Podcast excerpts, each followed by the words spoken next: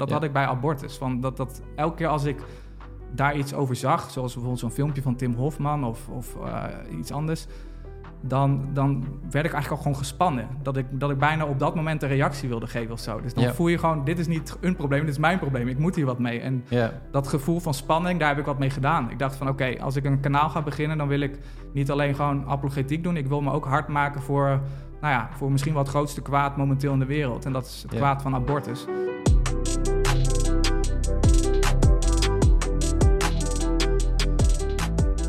God zegen allemaal. Welkom weer bij een nieuwe video. Vandaag heb ik weer een tafelgast waar ik al een tijdje naar verlang om een gesprek te hebben met deze tafelgast. Dat is Karel de Lange. Zeg ik het goed, Karel? Ja, dat klopt. En eh jij hebt een YouTube-kanaal ook over apologetiek. Eigenlijk lijkt wat jij doet best wel een beetje op wat ik doe en vice versa. Dus eh, welkom in elk geval. Dankjewel. Eh super tof dat jij best wel een lange reis hebt gemaakt om hier te komen, ook voor dit gesprek. Karel, voor de mensen die jou niet kennen, zou jij iets willen vertellen over jezelf, over wie jij bent? Zeker. Ja, ik ben eh Karel Lange. Ik ben eh, getrouwd. Ik heb eh, drie kinderen, drie dochters van vijf, drie en één. En ik ben half gelovig opgevoed. Dus ik, mijn moeder is altijd christelijk geweest en heeft me ook wel wat daarvan meegegeven. Maar mijn vader is eigenlijk altijd een beetje anti-geloof geweest. En toen we de puberteit kwamen wij, ik ben, kom uit een gezin met drie jongens, ik heb twee oudere broers. Toen kregen we eigenlijk de ruimte om zelf te kiezen wat we wilden. Wilden we eigenlijk mijn moeder volgen of mijn vader volgen? En toen Mm. heb ik uiteindelijk de keuze gemaakt om mijn vader te volgen. En eh, nou ja, te denken van er is geen God en ik kan mijn leven zelf wel invullen. Ik kan leven zoals ik het zelf wil. Dat sprak me meer aan. Mm. Plus ik zag mijn vader ook als mijn voorbeeld. Dus ik eh, ja, keek tegen hem op en eh, geloofde dus eerder in wat hij zei dan in wat mijn moeder zei. Ja. En toen heb ik zo eh, ook een studententijd gehad. Een leven van, eh, nou ja, van maximaal genieten eigenlijk. Mijn leven draaide eigenlijk alleen maar om eh, nou ja, het beste, het mooiste uit het leven te halen. Want ja, ik had de overtuiging, je leeft maar één keer en ja, dan is het voorbij. Dus je moet het, me- meeste uit het leven zien te halen. Dus ik dacht van oké, mijn leven draait om maximaal genieten. En toen ik 21 jaar oud was, ging ik met mijn vader en met zijn vriendin, mijn ouders zijn, wij zijn uit elkaar gegaan. En eh, met mijn broers zijn we naar Zuid-Afrika geweest. En eh, toen eh, gingen we daar op safari en allemaal leuke dingen doen. En het WK was toen, toen ook in volle gang. Mm. Eh, het was toen dat Nederlands elftal wat eh, tot de finale haalde. Misschien Oh, weet ja. je dat nog wel. ja, met al die mooie toeters daar. Ja, klopt. Ja. En ik was getuige van al die wedstrijden samen Oh, met mijn broers in het stadion. En het was dus echt de tijd van mijn leven. En ja, eigenlijk kon het niet veel beter dan toen. En het was gek genoeg toen, toen mijn leven op een soort van hoogtepunt was, dat ik voor het eerst een gevoel van leegte ervoer. Dat Ja. ik echt bij mezelf dacht van oké, mijn leven kan bijna niet beter, maar toch voelt iets niet goed. Heb ik het idee dat er, ja, dat er meer moet zijn. Ik, eh, ik had het idee van ja, vroeg of laat zal dit allemaal voorbij zijn. Vroeg of laat gaan mijn ouders dood. En vroeg of laat zal ik doodgaan. En dat besef, dat kwam opeens heel erg bij me binnen. En toen kwam ook het besef van, ja, wat maakt het dan eigenlijk uit dat ik nu plezier heb? Mm. Het heeft allemaal niet echt betekenis. En dat was eigenlijk best wel een duister gevoel wat ik had. En toen ging ik voor het eerst echt de vraag stellen van... Hmm, is er misschien niet meer tussen hemel en aarde? Mhm. Draait het leven echt wel om maximaal genieten? Of is er een andere filosofie die beter is? En toen ging ik voor het eerst echt nadenken over de grote vragen van het leven. Zoals waar komen we vandaan? Waar gaan we heen als we dood zijn? Wat is goed en kwaad? Wat is de zin van het leven? Mm. En eh, ja, toen ging ik eh, filmpjes op YouTube kijken. En toen kwam ik tot de ontdekking dat het christelijk geloof ja, niet zomaar een van de vele religies is, Mhm. maar dat, het, eh, dat er een hele sterke rationele kant aan zit. En ik leefde altijd in de veronderstelling dat ieder geloof een kwestie van ja, wishful thinking is, een kwestie van gevoel. Dus waar jij je fijn bij voelt, dat ga je geloven. Mhm. Eh, dus als je ja, als moslim of zo bent opgevoed, nou, dan word je een moslim omdat je zo bent opgevoed en omdat je je fijn voelt in die cultuur. Niet omdat er goede redenen zijn om te geloven dat het waar is. En ik dacht hetzelfde over het christelijk geloof. Ja, je wordt een christen omdat je zo bent opgevoed of omdat je er hoop uit haalt of zo. Ja. En ik dacht van ja, op Heel zomer... pragmatisch eigenlijk. Van daarom word je... Ja, heel erg van als je een fijn gevoel wil hebben, als je, ja, waar je je prettig bij voelt, dat ga je geloven. Ja. En ik dacht van ja, dat, daar wil ik niet aan. Want ik wil alleen iets geloven als er goede argumenten voor zijn. Want ik wil niet eh ten prooi vallen aan wishful thinking. Want dan hou ik mezelf alleen maar voor de gek. Hoe oud was je ongeveer, Karel, toen je deze vragen begon te stellen rondom dat WK? eh, Toen was ik 21 jaar oud. Oh ja. En eh, het heeft een paar jaar geduurd voordat ik tot geloof ben gekomen. Maar een paar jaar ben ik wel heel serieus bezig gegaan met eh, de grote vragen van het leven. En toen heb ik dus ontdekt dat er hele goede argumenten zijn om te geloven dat God bestaat. En ook specifiek dat God zich heeft geopenbaard in de persoon Jezus. Dat Jezus echt de zoon van God is. Dat hij nou, sowieso een historisch persoon is natuurlijk, maar ook dat hij echt uit de dood is opgestaan. Hmm. En eh, dat wat hij over zichzelf heeft beweerd dus waar is. Hij beweerde de weg, de waarheid en het leven te zijn. En eh, ja, toen ontdekte ik met mijn verstand dat het christelijk geloof echt waar is. Mhm. Eh, en dat was voor mij echt wel een grote eye-opener, omdat ik altijd dacht dat, ja, dat je de, de waarheid over dingen niet kan ontdekken. En al helemaal niet over grote dingen zoals het bestaan van God of over religie. Hmm. En nou ja, toen zijn dus mijn ogen open gegaan en eh, ben ik eerst met mijn verstand gaan geloven. En eh, na verloop van tijd ook met mijn hart toen ik een ervaring eh, met God heb gekregen. Oh ja.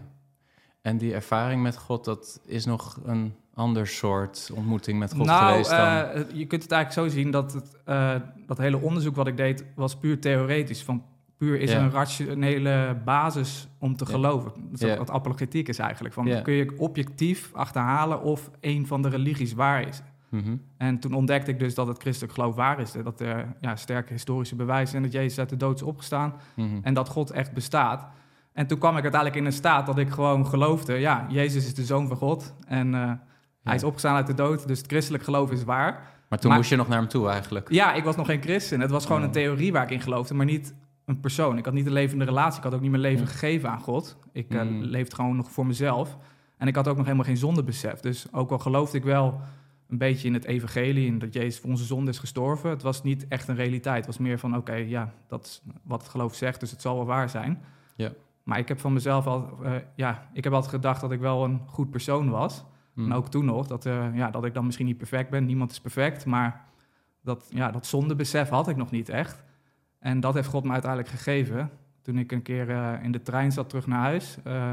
Ik had toen, de dag daarvoor had ik een feestje gehad. eh, en toen had ik nog heel erg getuigd over, over God en over Jezus. Heel Ja. gek eigenlijk. Ik had echt getuigd van Jezus echt uit de dood opgestaan met mensen. En, Meer jouw nieuwe inzichten eigenlijk ja, ik had al mijn inzichten gedeeld Ja. met mensen. Ik was er eigenlijk als een apologeet bezig, maar ik was zelf nog helemaal geen christen. Dus heel Ja. gek. Dus ik zat er een beetje op te reflecteren in de trein van... eh, wat geloof ik nou eigenlijk? Ja. Ja, en toen kreeg ik opeens een heel intens gevoel... alsof God bij me kwam. Ja, dat is Mm. moeilijk uit te leggen, maar ik besefte opeens... God is hier. En in dat besef zag ik mezelf zoals ik mezelf nog nooit eerder heb gezien. Hmm. Ik zag opeens dat ik helemaal niet zo'n goed persoon was als dat ik dacht. Ik zag eh, gewoon een diep egoïsme. Ik zag dat ik, eh, nou ja, dat ik, dat ik in bijna alles op mezelf gericht was. En Mm. een best wel een arrogant persoon. En ik had eh, toen ook een vriendin, Iris, is nu mijn vrouw geworden trouwens. Mhm. En daar ging ik ook helemaal niet goed mee om. Ik, eh, Oh ja. ik wilde een open relatie en ik vond dat ze dat maar moest, eh, moest accepteren. En het draaide allemaal om mij. En dat had ik nooit beseft. En toen realiseerde ik me dat op een heel intens niveau. En nadat ik, dat, nadat ik die overtuiging kreeg, kreeg ik gelijk een gevoel van schaamte. Want ja, ik voelde ook de aanwezigheid van God. En ik besefte iets van zijn heiligheid. Mhm. En ik dacht van, hoe kan ik deze heilige, goede God onder ogen komen... als ik zo'n zondaar ben, zeg maar. En nog voordat ik iets tegen God kon zeggen... kreeg ik een gevoel van liefde, vergeving en acceptatie... wat ik ja, nog nooit eerder heb meegemaakt. En dat ik ook in die trein met tranen niet kon bedwingen. Er Mm, zaten allemaal mm. mensen bij, gewoon overvolle trein. En dat ik gewoon ja, wist van wow, dit is niet een theorie waar ik in geloof. Dit is een persoon die een relatie met me wil. En niet zomaar een persoon, maar een persoon die zijn leven voor mij ook heeft gegeven. ja. En toen ben ik een christen geworden. Het is wel bijzonder hoe God soms mensen ontmoet terwijl ze onderweg zijn eigenlijk. Hè? Zit ik aan te denken dat een Paulus die op weg is naar Damascus Oh, ja. en dan onderweg eigenlijk Ja, eh, een ontmoeting heeft met Jezus. En jij ook in de trein zat en juist onderweg. ja, eh, ja, weet niet of dat we daar veel achter moeten zoeken, maar eh, het is wel bijzonder om te horen in jouw getuigenis dat je onderweg bent en in de trein, eh, ja, als het ware ervaart dat God zichzelf op zo'n tastbare wijze eigenlijk eh, openbaart aan je. ja, ja. Nee, bijzonder. En ehm, ja, inmiddels ben je weer wat ouder dan, dan toen. Want hoeveel jaar zijn we nu verder? Ja, we zijn nu leven? alweer bijna elf jaar verder. Ja. Ja. En ben je meteen al zo met christelijke bediening ook bezig gegaan? Of was het daarna eerst gewoon zelf een kerk vinden? En, ja, eh, dat is, eh, nee, ik zat midden in het studentenleven. Ik leefde toen de tijd met mijn eh, broer samen. welke studie deed je ook alweer? Aardwetenschappen. Oh ja. Ja, dus echt dat je je afvraagt van ja, hoe is de aarde ontstaan, maar ook wat specifieker in, nou ja, inzoomen op het klimaat bijvoorbeeld, of op Ja. stenen en dat soort dingen.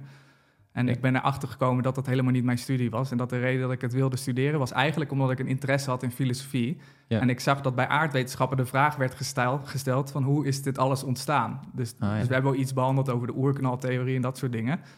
Alleen daarna ging het heel erg inzoomen op de aarde zelf, terwijl ik eigenlijk geïnteresseerd was in die fundamentele vragen.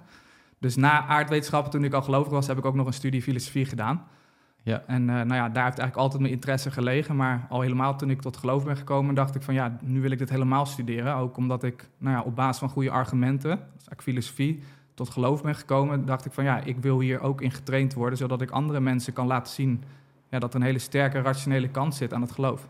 Ja, hey, en uh, vandaag de dag uh, ben je geen filosoof, maar filmmaker geloof ik hè? Ja. Hoe is dat ontstaan? Uh, filmmaker kreeg ik al een passie voor toen ik uh, kind was. Uh, dat, ja, ik, mijn vader had toen de tijd een camera, daar mochten wij mee spelen. Dus ging ik actiefilms met mijn broers en vrienden maken. En op vakantie mocht ik ook vakantiefilms maken. En uiteindelijk in de studententijd ging ik ook films maken voor de vereniging en zo. En het is eigenlijk een uit de hand gelopen hobby. En van mijn hobby heb ik uiteindelijk mijn werk gemaakt. Want ik kreeg een keer een, een opdracht in, in Afrika om te werken voor Animal Planet en uh, aan twee documentaires mee te werken. Eentje over leeuwen en eentje over olifanten. En dat was een hele gave ervaring, maar toen is het balletje eigenlijk gaan rollen, want toen begon ik opeens geld te verdienen. Was het niet meer alleen een hobby. En toen dacht ik, hé, hey, misschien uh, moet, ik, moet ik maar me inschrijven bij de Kamer van Koophandel. Ja, ja. En dat is al een tijd geleden nu? Dat ja, dat was uh, 2014. 2014. Ja, dus, dus dat hebt... is ongeveer anderhalf jaar na mijn geloofskeuze. Ja, dus je hebt nu zo'n negen jaar ook een eigen bedrijf als filmmaker. Ja, klopt. Ja. En hoe combineer je dat? Want nu ben je ook bezig met apologetiek. Hè? Dus eigenlijk komen heel veel dingen bij elkaar dan. Want je filosofiestudie, uh, christelijk geloof... en nu dan ja, eigenlijk via YouTube een bediening hebben in de apologetiek. En hoe verhoudt zich dat tot elkaar in jouw leven? Hoe verdeel jij die tijd een beetje zo? De, hoeveel tijd ik besteed aan filmmaken en hoeveel tijd aan apologetiek? Ja. Uh, ja, dat, dat wisselt. Want soms heb ik een hele druk, drukke periode. Dan doe ik niks anders dan films maken en geld verdienen. En andere periodes is het wat rustiger. Dan kan ik mooi mijn tijd besteden aan studeren of uh, filmpjes uh, maken over apologetiek en dat soort zaken. Uh, dus dat wisselt. Maar ik denk gemiddeld drie dagen in de week werk, twee dagen in de week andere dingen. Ja. ja.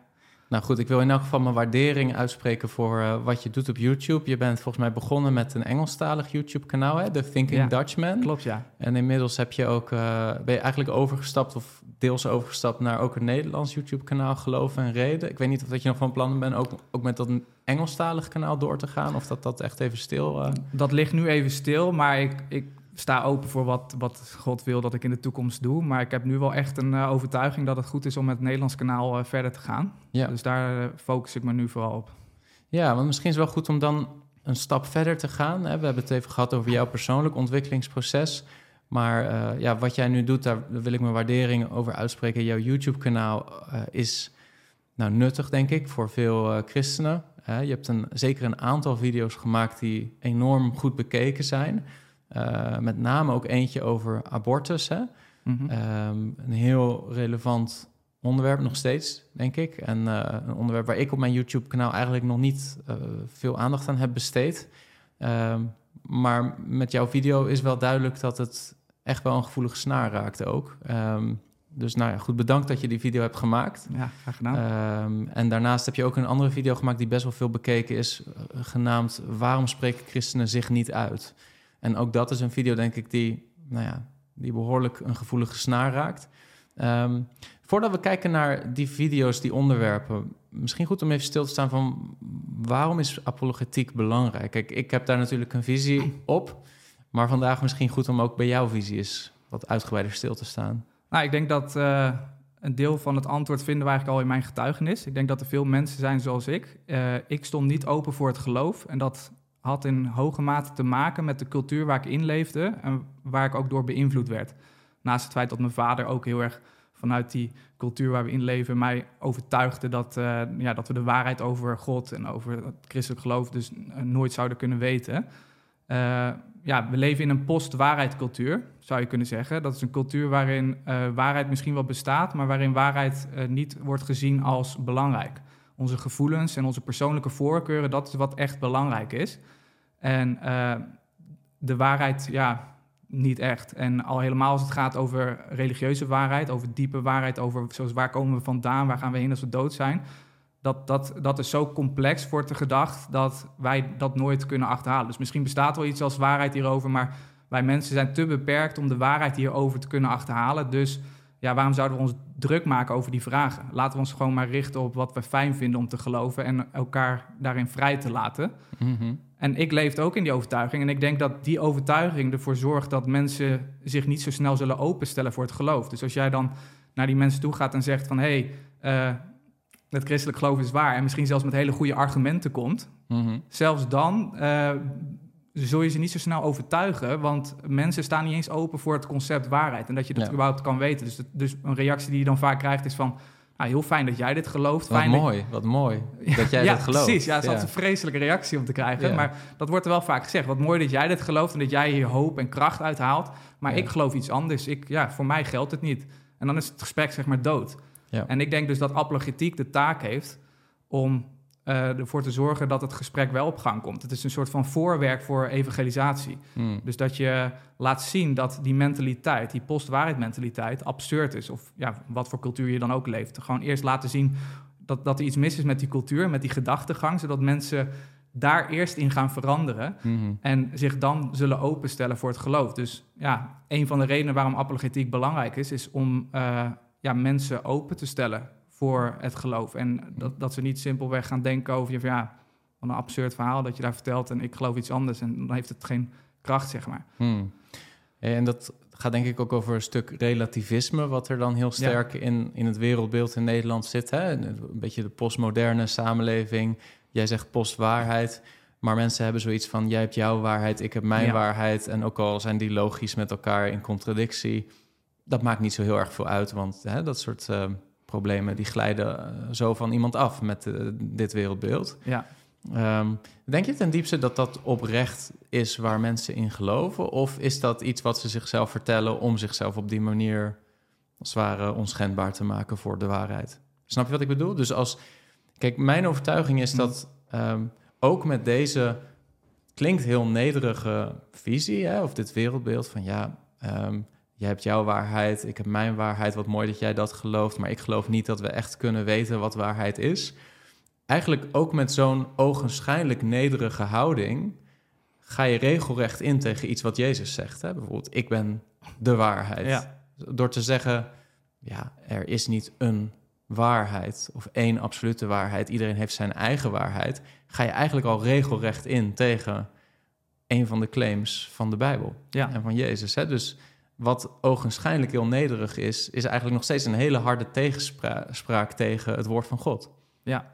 Denk je dat mensen oprecht denken dat de wereld zo in elkaar kan zitten? Of is dit ook iets wat ze zichzelf vertellen om, nou ja, de, kennis die ze hebben dat er een God is te onderdrukken, als het ware? Ik denk dat ze het zichzelf vertellen. Want als Mm. je over andere onderwerpen praat, als je echt een beetje de discussie hierover gaat voeren van. eh, En, Ja. en, en, nou ja, gaat laten zien hoe absurd het is, dan Ja, komt ook voor hun aan het licht van ja, eigenlijk geloof ik hier zelf ook niet in. Ik vind het zelf ook wel belachelijk eigenlijk. precies. Maar het is een soort van makkelijke manier om je niet bezig te hoeven houden met eh, complexe vragen of, of religies die ze liever niet willen geloven. Ja, het is een manier om je eigen autonomie een beetje te beschermen Ja. en te zorgen Ja. dat niemand op jouw territorium, jouw Ja. intellectueel territorium komt ja, of zo. precies. Het is een makkelijke manier om niet de discussie aan te hoeven gaan. Ja.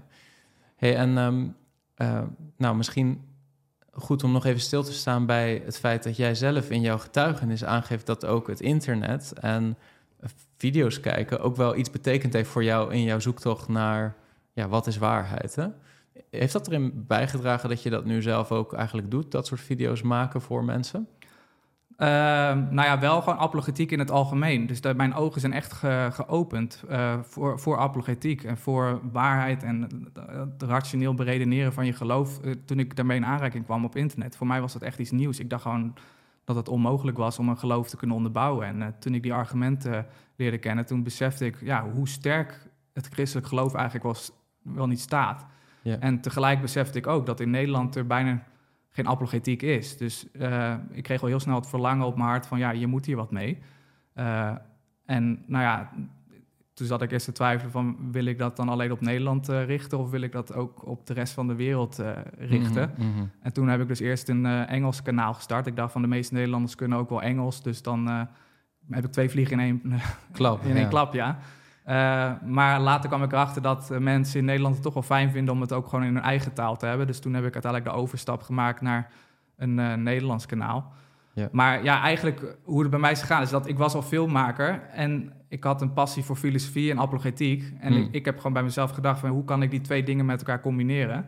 En toen Ja. is uiteindelijk het idee geboren voor een YouTube-kanaal. Ja. Eh, en het begon eigenlijk nog met een, eh, een, een, een film die ik heb gemaakt over eh, het leven en de dood van Nabil Qureshi. Hmm. Ik heb een documentaire gemaakt over...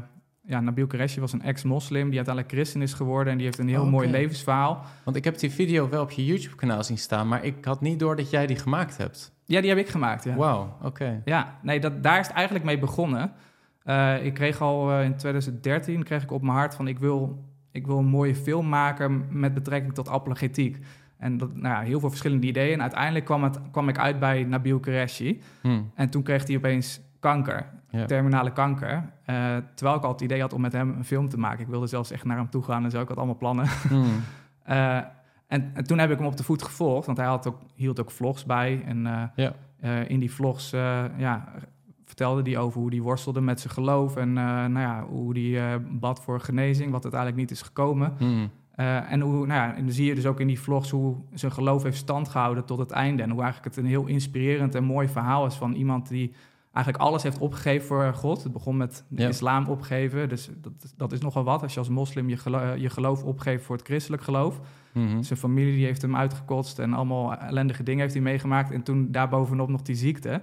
Ja. En dat je door dat alles heen ziet hoe hij zijn geloof heeft vastgehouden. En eh, ja, hoe hij ook een man was die echt eh, als hoogste doel had de waarheid. Hij wilde gewoon weten wat waar is en wie God is. En hij kwam erachter dat het christelijk geloof gewoon waar is. Hmm. En hij heeft daar zijn hele vertrouwen op gesteld en zijn ziel en zaligheid ingelegd.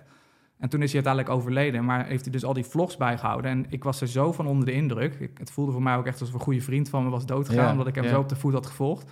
Dat ik op mijn hart kreeg van, hier moet een film van gemaakt worden.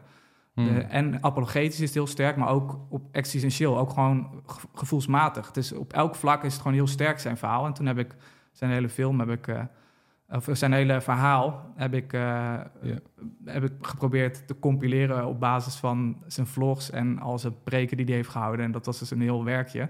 Hmm. Maar die heb ik online gegooid. En toen dacht ik van, nou, dan wil ik ook gelijk beginnen met een eigen YouTube-kanaal waarin ik apologetiek eh, bedrijf. Wat bijzonder dat Nabil eigenlijk dus ook best wel zo'n invloed heeft gehad op jouw leven. Dan. Ja, zeker. Grote invloed. Ja. ja.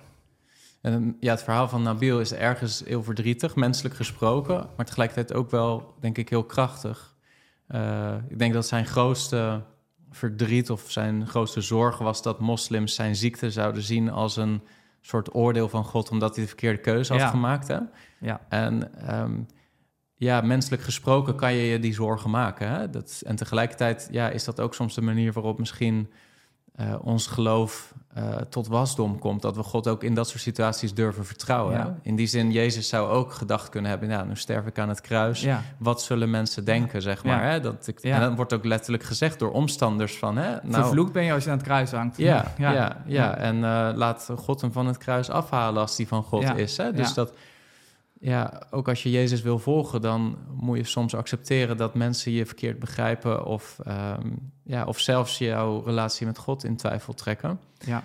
Ehm, maar in die zin eh, wel iemand die tot het einde toe trouw is geweest, denk ik. Ja, En een zeker. mooi voorbeeld. Ja, ik, ik vind dat dus ook, ja, dat, eh, dat aan de ene kant, eh, aan de oppervlakte lijkt het een heel tragisch verhaal. Maar eh, wat ik ook heb geprobeerd om te laten zien met die film, is dat de diepere laag eigenlijk heel erg mooi is. Dat Ja. ja, het is heel verdrietig dat hij is overleden op zo'n jonge leeftijd, ook nog met een jong dochtertje. Eh, maar uiteindelijk geloven wij dat er meer is dan alleen dit leven hier op aarde. En hij heeft zijn geloof vastgehouden tot het einde. En hij is nu bij God. Hij heeft het beter dan wij allemaal Mm. ons ooit kunnen, kunnen voorstellen aan deze kant van de eeuwigheid. Ja. En als je in dat licht dit verhaal bekijkt, dan is het gewoon een heel mooi verhaal, een inspirerend verhaal. En ook een les voor ons van dit is hoe wij in het geloof moeten staan. Dat hoe de omstandigheden ook zijn, we kunnen erop vertrouwen dat God alles in handen heeft en alles uiteindelijk ten goede zal keren voor degenen die hem lief hebben. Hmm. Ik wil met jou een beetje inzoomen op een van jouw video's die best wel veel bekeken is. En dat is een video over eh, eh, abortus eigenlijk. Maar je reageert daarin op Tim Hofman. Tim Hofman, ja. Hè, Tim is iemand die eh, nou zeker geen christen is. die in een bepaald programma aan behoorlijk eh, anti-christelijk geluid liet horen ook. Hè, richting de pro-life beweging. Eh, en jij hebt in die, die week van de Mars van het Leven, geloof ik, hè? Klopt, of Mars voor ja. het Leven, Ja. heb jij een video geüpload die inmiddels meer dan 25.000 keer bekeken is. Ja. ehm, over nou ja, dit onderwerp. En ook best wel krachtig laten zien dat Tim zijn argumentatie niet correct is, hè, of inconsistent is, of nou ja, wat uh, te gemakkelijk is. Hè, dat bepaalde premissen niet uh, leiden tot logische conclusies die hij soms um, ja, klopt. eruit trekt. Um, waarom heb je die video gemaakt? Um, dat is ook eigenlijk een lang verhaal wat er allemaal aan vooraf gaat. Eén ding kan ik wel zeggen is dat toen ik tot geloof ben gekomen, is mijn denken radicaal veranderd op heel veel vlakken. Ik eh, dacht vroeger nog zelfs dat abortus goed was. En dat, mm. uh, nou ja, goed niet, maar wel van, mocht ik uh, een keer onverhoopt iemand zwanger hebben gemaakt, dan niet nu en dan laten we het maar weghalen. Echt, zo, zo stond ik in het leven. Ik was echt totaal tegen het christelijk geloven in dat opzicht qua denkbeelden. Mm. Mm. Toen ik tot geloof kwam, begon ik al heel gauw het kwaad te zien voor wat het is. Ik begon heel gauw logica te zien in, op heel veel vlakken. En mijn denken werd echt veranderd. En op het gebied van abortus werd het heel snel en radicaal veranderd. Dat ik al heel gauw het besef kreeg van... ja, abortus is niets anders dan het doodmaken van een levend mens... wat in de buik van de moeder groeit. Mhm. En uh, wat is een goede rechtvaardiging hiervoor? Wat is een goede rechtvaardiging om een onschuldig mens dood te maken? Ja, mhm. eigenlijk bijna niks. Je kan mhm. niet zomaar mensen doodmaken. Dat is gewoon ja, dat is niet, niet, niet normaal. En nou ja, ik besefte ook al heel snel dat er heel veel kwaad is in de wereld. Maar uh, het grootste, een van de grootste, een van de ergste dingen die, er, die je maar kan bedenken, die er momenteel in de wereld plaatsvinden, is misschien wel abortus. Als je de statistieken erop naleest, dan sterven er bijna 50 miljoen kinderen per jaar aan abortus wereldwijd. En in Nederland mm. meer dan 30.000 kindjes die gewoon worden doodgemaakt. En je hoort hier bijna niks over. En, hmm. en ik stond er echt versteld van. En dat dat ook al in Nederland bijna 40 jaar uh, al legaal is. En je ook vanuit christelijke hoek hier eigenlijk weinig over hoort. Je hebt dan natuurlijk wel een paar uh, organisaties, organisaties die, die goed werk doen. Dus ik, daar wil ik niks aan afdoen. Maar het is niet zo... Er wordt niet zo hard tegen gestreden als dat zou moeten, naar mijn idee. Mm En ja, ik kreeg echt op mijn hart van... Uh, ja, er zijn heel veel problemen in de wereld... maar dit is misschien wel ook jouw probleem, Karel. Ja. Dus Jordan Peterson, dat is een psycholoog die ik ook mhm. volg, die zegt ook wel eens van...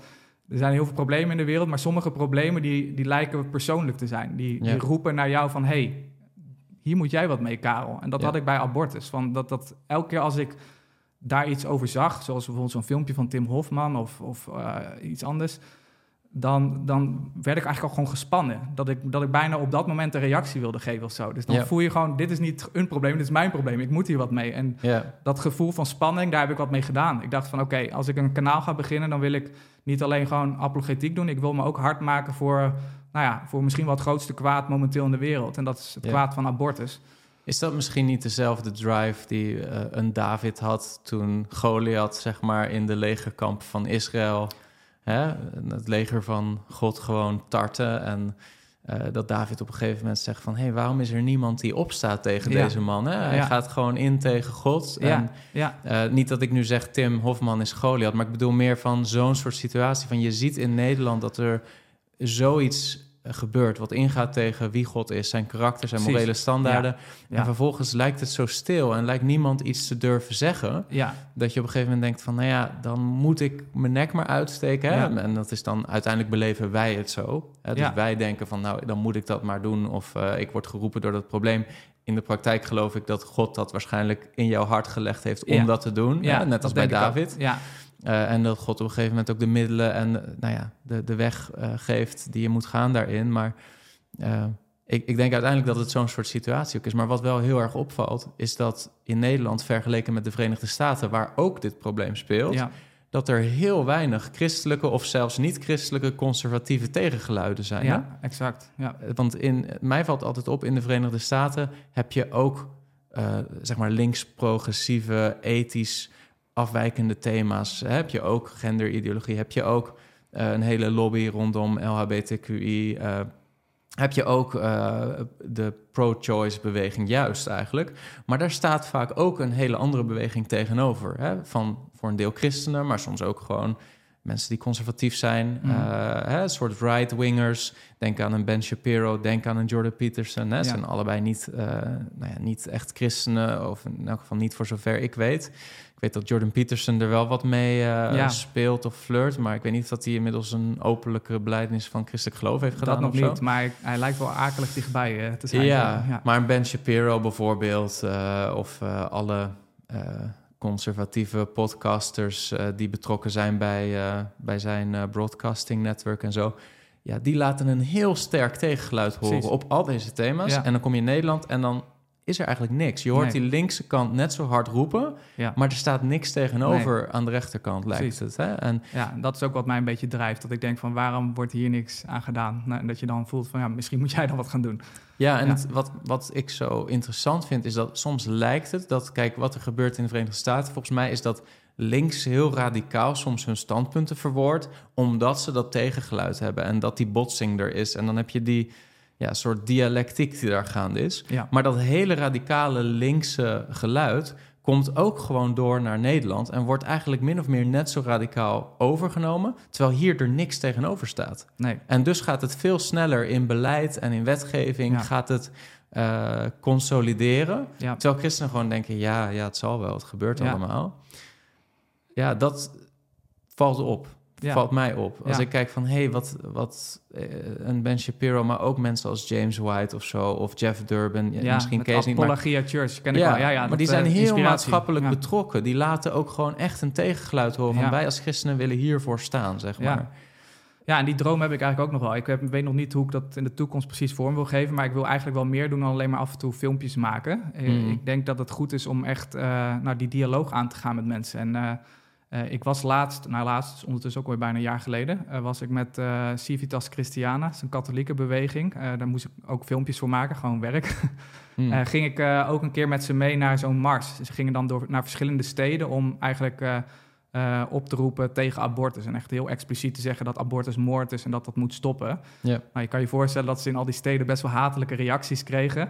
En toen ze in Nijmegen waren, was ik daar ook om te filmen. En om dus mee te maken hoe dat dan gaat. En nou ja, toen kregen ze dus ook heel veel haat. En toen zag ik uiteindelijk dat eh één man, die werd belaagd door wel tien verschillende vrouwen... die dan heel erg eh, tegen hem ingingen. En toen nou, besloot ik daar gewoon bij te staan en te luisteren. En uiteindelijk ben ik de discussie met die vrouwen aangegaan. En dat was eigenlijk wel een hele interessante ervaring, omdat eh, ze hadden totaal geen goede argumentatie, maar ze waren wel heel erg fel. Ze waren wel heel erg overtuigd dat wij fout zaten. Hm. En, en heel erg hun best doen eigenlijk om je verkeerd te interpreteren. Dus constant in de discussie moest ik uitleggen hoe ik het bedoelde en dat, dat, dat, Hm. dat, ja, dat, ik het, eh, dat, dat ik uiteindelijk het beste voor heb met iedereen. Dat ik niet anti-vrouwen ben of eh, anti-vrije keus. Maar dat het daar uiteindelijk niks mee te maken heeft. Dat het gaat om een leven wat wo- wordt beëindigd. En Hm. nou, toen ik in die discussie zat, toen besefte ik van hoe mooi zou het eigenlijk zijn als we wat meer in Nederland niet alleen deze discussies hebben, maar dat het ook wordt opgenomen. Ja. En dat, eh, en dat je dan aan de buitenwereld laat zien, dit is voor en dit is tegen, zodat mensen zelf een oordeel kunnen vellen over wie staat er aan de kant van de waarheid. Want het is zo helder wat de waarheid is in zo'n discussie, dat als je als buitenstaander gewoon open gaat bekijken van hoe verloopt die discussie en wat is logisch en wat is niet logisch, Hm. dat je dan al heel gauw de conclusie moet trekken van ja, abortus is gewoon moord en eh, de pro-choice kant staat gewoon aan de verkeerde kant. Hm. En ik denk ook dat er een hele grote middengroep is in Nederland die gewoon hier niet echt over heeft nagedacht. Maar dat als ze, als ze in aanraking zouden komen met de argumenten, als ze eraan blootgesteld zouden worden, dat, ja, dat dan best wel veel mensen nog pro-life zouden kunnen worden. Hm. Dus ik denk dat wij vooral als taak hebben om ja, dit aan het licht te brengen. Ja. dan Nou, ook. sommige christenen, ik hoor ze denken van... eh, ja, maar moeten we niet gewoon het evangelie prediken? Ja, Hè? En dan komt dat vanzelf wel. Eh, moeten wij als christen nou wel zo maatschappelijk betrokken willen zijn... dat we echt op dat soort onderwerpen proberen maatschappelijke verandering te brengen? Daar gaat ook een beetje jouw andere video, geloof ik, over. Hè? Ja. Van waarom spreken christenen zich niet uit? Maar wat zou jij daarop zeggen? Ik zou zeggen dat het niet bijbels is om alleen maar het evangelie te prediken. Nee. Eh, en dat God ons oproept tot veel meer. En dat ja, het evangelie verkondigen is essentieel. En dat is inderdaad ook primair. Dat is iets wat we moeten doen. We moeten eh, mensen overtuigen van zonde. En eh, ze laten zien dat er ook goed nieuws is. Dat Jezus is gekomen naar deze wereld om de prijs te betalen voor onze zonde. En aan het kruis te gaan en onze plaats te sterven. Dat een ieder die in hem gelooft niet verloren gaat, maar eeuwig leven heeft. Dat is natuurlijk een essentiële boodschap. Maar het eerste deel van het evangelie is dat slechte nieuws. Dat is dus de zonde die mensen doen. Dus uh, als je zegt van we moeten alleen maar het evangelie verkondigen en niet controversiële zonde aan het licht brengen of waarheid aan het licht brengen, dan heb je eigenlijk ook al een stukje van het evangelie weggehaald. Mm Gek genoeg. Want mm we moeten mensen overtuigen van hun zonde. En niemand vindt het fijn om beticht te worden van iets kwaads wat ze doen. Dat is mm. per definitie eigenlijk controversieel. Dat je tegen mensen gaat zeggen wat jij doet is niet goed. Of het nou met betrekking tot abortus is, of met geslachtsverandering, of gewoon met uh, een levensstijl, met overspel, ik noem maar wat. Uh, liegen, ga maar een gebod langs. -hmm. Uh, dat is eigenlijk altijd controversieel. Ja. Zonde aan het licht brengen. Maar dat is, dat is een onderdeel van het evangelie verkondigen. Want hoe kun je mensen overtuigen van het goede nieuws wat Jezus brengt... als je ze niet eerst het slechte nieuws brengt? Dus het eerste wat we moeten doen is dat slechte nieuws brengen. Dus ja. het is niet voor mij een of-of situatie van gaan we het evangelie verkondigen of uh, controversiële waarheid zoals abortus. Nee, het is en-en. Het is in het licht van het evangelie dat we ook de waarheid verkondigen over de waardigheid van het leven en, en, en de slechtheid van de zonde. En dan zo mensen leiden ook naar het evangelie. Hm. Dus uh, voor mij is het niet uh, ja, of-of, maar en-en. Ja, ja. helder.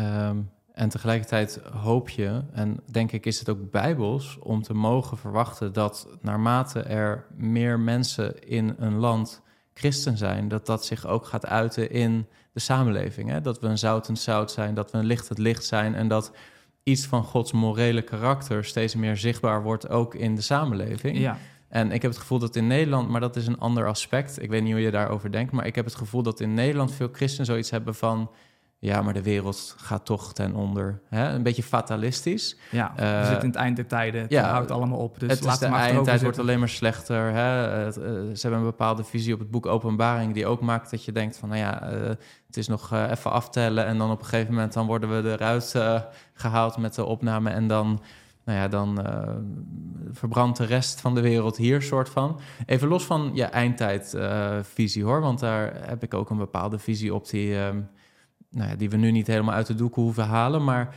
het gaat mij er meer om van, is het bijbels om als christen je zo los te weken van de samenleving waarin je je bevindt, dat je eigenlijk denkt van, nou ja, de moraliteit in de samenleving is niet zo interessant meer zolang ik en mijn gezin maar christelijk zijn en naar een kerk gaan. En, hè, maar wat de samenleving uh, op grotere schaal uh, denkt over dit soort thema's, ja, daar gaan we verder ons maar niet meer mee bemoeien. Ik denk dat dat een heel um, isolationistische houding is, ja. die je niet in de Bijbel terugvindt. Nou, het is een directe overtreding van het eerste en belangrijkste gebod. En dat, en dat is, heb de Heer God lief boven alles en je naaste als jezelf. Ja. Ik zie niet in hoe dit liefdevol kan zijn naar je naaste. Dat je eigenlijk zegt van, laat ze er maar allemaal inzakken als ik mijn eigen hachje maar heb gered. Dat, dat is de meest liefdeloze houding die je kan hebben. Dus wij zijn door God geroepen om onze naaste lief te hebben. En een onderdeel van die liefde is waarheid uitdragen. Ook als die controversieel is. Ook als dat betekent dat mensen ons erom zullen haten. Ja. Uh, omdat we weten dat ze die waarheid ten diepste nodig hebben. En we hebben het beste met ze voor. En omdat we het beste met mensen voor hebben, vertellen we ze die waarheid. Omdat we Ja. weten dat als zij in die leugen blijven leven, dan loopt het niet alleen met hun slecht af, maar ook met de mensen om hun heen. Het is, het is de manier juist om liefde te uiten door ook waarheid eh, te uiten. Je kan liefde en waarheid niet loskoppelen Nee, die zijn elkaar. eh, intrinsiek met elkaar Mhm, verbonden. Dus mhm. eh, dat hoor je ook wel eens van mensen. Van, ja, onder het mom van liefde moeten we maar stil blijven. Maar dat, dat gaat niet. Het is, eh, ze gaan altijd hand in hand. En dat zien we ook eh, als we kijken naar Jezus of naar de profeten of naar eh, de apostelen. Mhm. Ze waren allemaal waarheidsverkondigers en ze konden soms hele heftige dingen zeggen. Ja. Uitspreken over hele controversiële zaken van die tijd. En Mhm. dat deden ze uit liefde. Denk aan Johannes de Doper, Ja, hè, met, die, met Herodes, met ja. het overspel. Ja, ja, bijvoorbeeld. die gewoon heel duidelijk aangeeft: dit is een probleem. Hè, dit, eh, hier moet je van bekeren. Dit is zonde, de situatie waarin je je begeeft. Ja. Op een heel persoonlijk niveau. Ik denk dat veel christenen bang zijn dat als ze zich over dit soort thematiek meer uitspreken, dat ze ehm, denken: ja, dan heb ik straks geen ruimte meer om het evangelie te verkondigen, want dan hebben mensen het gevoel dat ik soort van aan het oordelen ben over hen. En dat ik ehm, eh, hun de boodschap meegeef van ja, als je dit maar verandert in je leven, dan komt het wel goed. Hè? Dus het kan ergens nog een bijna een soort invoelbare reden zijn om voorzichtig te zijn met je uitspreken over. Ik neem als voorbeeld een Nashville-verklaring. Mhm. Wat in feite ook gewoon ja, niet heel veel meer of minder was dan aangeven de Bijbel. De kijkt op deze zegt, manier over man-vrouw verhoudingen, over het huwelijk, eh, over dingen als homoseksualiteit. ja, daar, daar is de kerk enorm over in beroering gebracht. Ja, en ik denk dat je zag vooral heel veel verdeeldheid binnen de kerkmuren. Heel veel christenen die met elkaar eigenlijk het oneens waren van ja, was dit nou een handige zet om te doen? ja, dus was de discussie niet eens zozeer van is het waar dat het in de Bijbel Ja. staat, maar moeten we voor deze waarheid nu op deze manier uitkomen? Ja, en ik denk dat heel veel christenen dat ehm, nou, misschien juist op eh, bewust die discussie met elkaar wilden voeren. Want ik denk dat als we heel erg eerlijk zijn met elkaar, dat die statement niet zo heel controversieel is op het vlak van is dit wat de Bijbel onderwijst? Nee, dat is echt helemaal niet zo spannend om, Nee. hè, of daar hoef je niet zoveel kennis van te hebben van de Bijbel om te weten dat die Nashville-verklaring, ja, dat dat gewoon goed gefundeerd is op de Bijbel en dat daar niet zoveel controversie over hoeft te zijn als het gaat om de vraag, is dit wat de Bijbel onderwijst? Tenminste, we kunnen er nog best eens een nieuwe video over maken, maar we kunnen best wel een paar teksten langslopen en dan hebben we op zich een redelijke samenvatting van de Nashville-verklaring op Ja. basis van een paar Bijbelversen. Ja, dat denk ik ook, ja. Ehm, de controverse zat hem veel meer vervolgens in, moeten wij als christenen dit op deze manier aanpakken? Ja, En heel veel christenen vonden dat onhandig, ontactisch, ongevoelig. Soms ook vanuit misschien goede eh, overwegingen. Maar daar ontstond heel veel verdeeldheid over. En soms denk ik wel eens, ja, zijn we niet als christenen in Nederland een beetje te gevoelig geworden Nou. voor hè, dat we andere mensen misschien kwetsen of dat we mensen beledigen en dat we daarmee onze boodschap zo verdunnen dat niemand meer weet wat we geloven. Ja, nou ja, dat is ook waar mijn volgende video over zal gaan. Over hoe wij als christenen stil worden gemaakt door het verkeerde gebruik van woorden. En door beticht te worden van dingen waar we liever niet van beticht worden. Hm. Zoals christenen die worden regelmatig beticht van het zijn van intolerant of veroordelend of hatelijk of eh, compassieloos, liefdeloos. Eh, allemaal deugden die tegen ons worden geslingerd, dat we die niet hebben als we Hmm. ons uitspreken voor de waarheid. Eh, maar ik denk dat het goed is dat we weten wat be- betekenen die verschillende deugden eigenlijk. En eh, is het wel echt zo dat eh, ja, als, als christenen zich uitspreken over controversiële waarheid, dat ze dan dus intolerant zijn of hatelijk? En ik denk door een goed begrip te hebben van die woorden, ga ik ook dieper op in in de video, kun je zien dat christenen, natuurlijk sommigen zullen dat, zullen dat wel hebben, maar over het algemeen niet zijn waar ze van beticht worden. Hm. En dat eh, er ook veel onbegrip is over verschillende termen, zoals tolerantie of eh, oordeel. Eh, tolerantie betekent tegenwoordig niet meer simpelweg de ander verdragen en zijn overtuiging laten hebben. Dat is wat tolerantie eigenlijk betekent. Maar het betekent tegenwoordig erkenning en zelfs viering van een bepaalde levensstijl. Mhm. Er wordt van ons verwacht dat we meegaan met bijvoorbeeld een homoseksuele levensstijl. En zeggen van niet alleen moet je ons tolereren, je moet, je moet het onderkennen. Je moet je bijna uitspreken van dit is goed. En, Ja. en misschien zelfs mee gaan vieren. Want je anders... moet de vlag aan je kerk hangen eigenlijk. Ja, precies. En dat is iets heel anders dan tolerantie. En als christenen kunnen we natuurlijk nooit dit gaan vieren, want het gaat regelrecht tegen Gods waarheid, en tegen de Bijbel in. De- gek genoeg snijdt het mes dan niet aan twee kanten in de zin van hè, een christen mag nog steeds zijn overtuiging hebben op dit gebied. Hè? Dus dat, daar precies. zit, daar Dus zit toch een to- ongelijkheid in Waar die is de tolerantie. tolerantie inderdaad voor het christelijke denkbeeld, inderdaad? Mag ik nog christen zijn en geloven wat de Bijbel zegt? Ja, Heb precies. ik daar nog ruimte voor in Precies. Nederland? Ja, ja. Dat staat ook wel steeds meer ter discussie. Hè? Want als het gaat om het vlak van LHBTI en zo... ik denk dat er best wel veel christenen zijn die denken van... als ik me daarover uitspreek, nou, dan ben ik straks mijn baan kwijt. Of dan, ja. hè, dan eh, veel christenen komen daar denk ik door in gewetensnood. Uiteindelijk, omdat ze ook wel weten dat Ba- de Bijbel bang dingen zijn zegt. voor de gevolgen bedoel je? Dat, Ja. Als uitspre- ja, en die begrijp ik heel goed. Ehm, maar uiteindelijk zijn dat dan wel vormen van lafheid. En dus dat, Ja. Ook al begrijp ik het heel goed, want ik worstel zelf hier ook heel erg mee. Eh, het enige wat ik in, doe in mijn video's is niet laten zien hoe goed ik het allemaal doe. Maar meer ja, dat dit een reden is voor christenen om zich niet uit te spreken. Gewoon omdat ze bang zijn eh, voor negatieve reacties. Of misschien wel Ja. om, om, om een baan te verliezen of zo. Ja, Eh, er kunnen natuurlijk wel nare consequenties aan zitten. Maar uiteindelijk denk ik dat wij toch door God geroepen worden om moedig te zijn en gewoon uit te komen voor de waarheid. En Ja. niet na te denken over de gevolgen, maar de gevolgen in Gods handen leggen. Want ja, we kunnen erop vertrouwen dat als wij Gods wil doen, dat we op de lange termijn in ieder geval echt gezegend zullen worden. Mhm. Misschien op de korte termijn zullen we de vruchten er nog niet van zien. Zullen we misschien eerst eh, wat ellende te verduren krijgen. Maar we, we kunnen God vertrouwen dat, eh, dat het werk wat we doen, dat dat goed is. En dat we vrucht zullen dragen. En dat is uiteindelijk een stukje geloof wat we nodig hebben. Eh, en ja, dan komt het vanzelf goed. Ja. Ja, Ja, ik denk uiteindelijk dat veel jongeren, want ik heb ook wel echt een hart voor jongeren. Dus ik ik denk ook jij misschien ook wel, want je bereikt over het algemeen met zo'n YouTube-kanaal ook best wel veel jongeren, denk ik, tegenwoordig. Maar ik denk dat veel jongeren ook juist daar zo weinig respect voor hebben in de christelijke kerk in Nederland, zoals die de laatste jaren is. Dat het zo duidelijk is dat er een stukje lafheid zit in de christelijke kerk in Nederland. Ja. Dat ook zeker jonge mannen denken: ik heb hier geen respect voor. Waarom zou ik hierbij willen nee, blijven? inderdaad. Ik denk ook dat vooral jonge mannen eh, een soort van verlangen naar ook eh, een soort van uitdaging. Dat, ze willen juist uitgedaagd worden van de, de, de christelijke, het christelijk leven is, ja. is een, een, een leven van verantwoordelijkheid dragen, van plichten, van moeilijke dingen doen. En als je, Mhm. als je tegen jonge mannen gaat zeggen, je hebt een enorme verantwoordelijkheid, dat is natuurlijk iets wat Jordan Peterson ook de hele tijd doet, daarom Ja. is hij ook zo populair geworden, Ja. dan, dan brandt er een lichtje in ze. Denken ze, oh, ik heb een verantwoordelijkheid, ik, ik moet iets belangrijks doen. Ik denk dat je juist heel veel mannen vooral eh, kan stimuleren wat te doen als je ze laat zien van jongens, we leven in een hele kwade wereld en wij hebben allemaal concreet hier wat aan te doen. En God verlangt Ja. dat van ons en eh, Ja. we moeten bereid zijn ook te offeren. Dat is natuurlijk ook iets wat in de man zit. We moeten leren ons te Mhm. offeren voor iets hogers. En ja, Mhm. dat, dat, is, dat is een soort van instinct wat we ook hebben. Wat, wat we, ja, waar we graag gehoor aan willen geven. Ook al is het wel natuurlijk heel eng en moeilijk. Er zit wel, iets, zit wel een verlangen in mannen om dit eh, ook te willen Ik- najagen. Ik ga nu iets heel spannends zeggen, hè? want eh, ik hoor nu al allemaal mensen hier tegen ingaan van stereotypering, man, vrouw, dat soort dingen. Ja, Maar dit leidt wel een beetje tot de, de vervrouwelijking van de kerk in Nederland. Ik denk dat wij over het algemeen een heel vrouwelijke christelijke kerk hebben in Denk. Nederland. Die heel erg gericht is op, zeker de evangelische wereld. Hè. Ik ga nu even de traditionele gereformeerde bijbelbeeldachtige kerk even buiten beschouwing laten.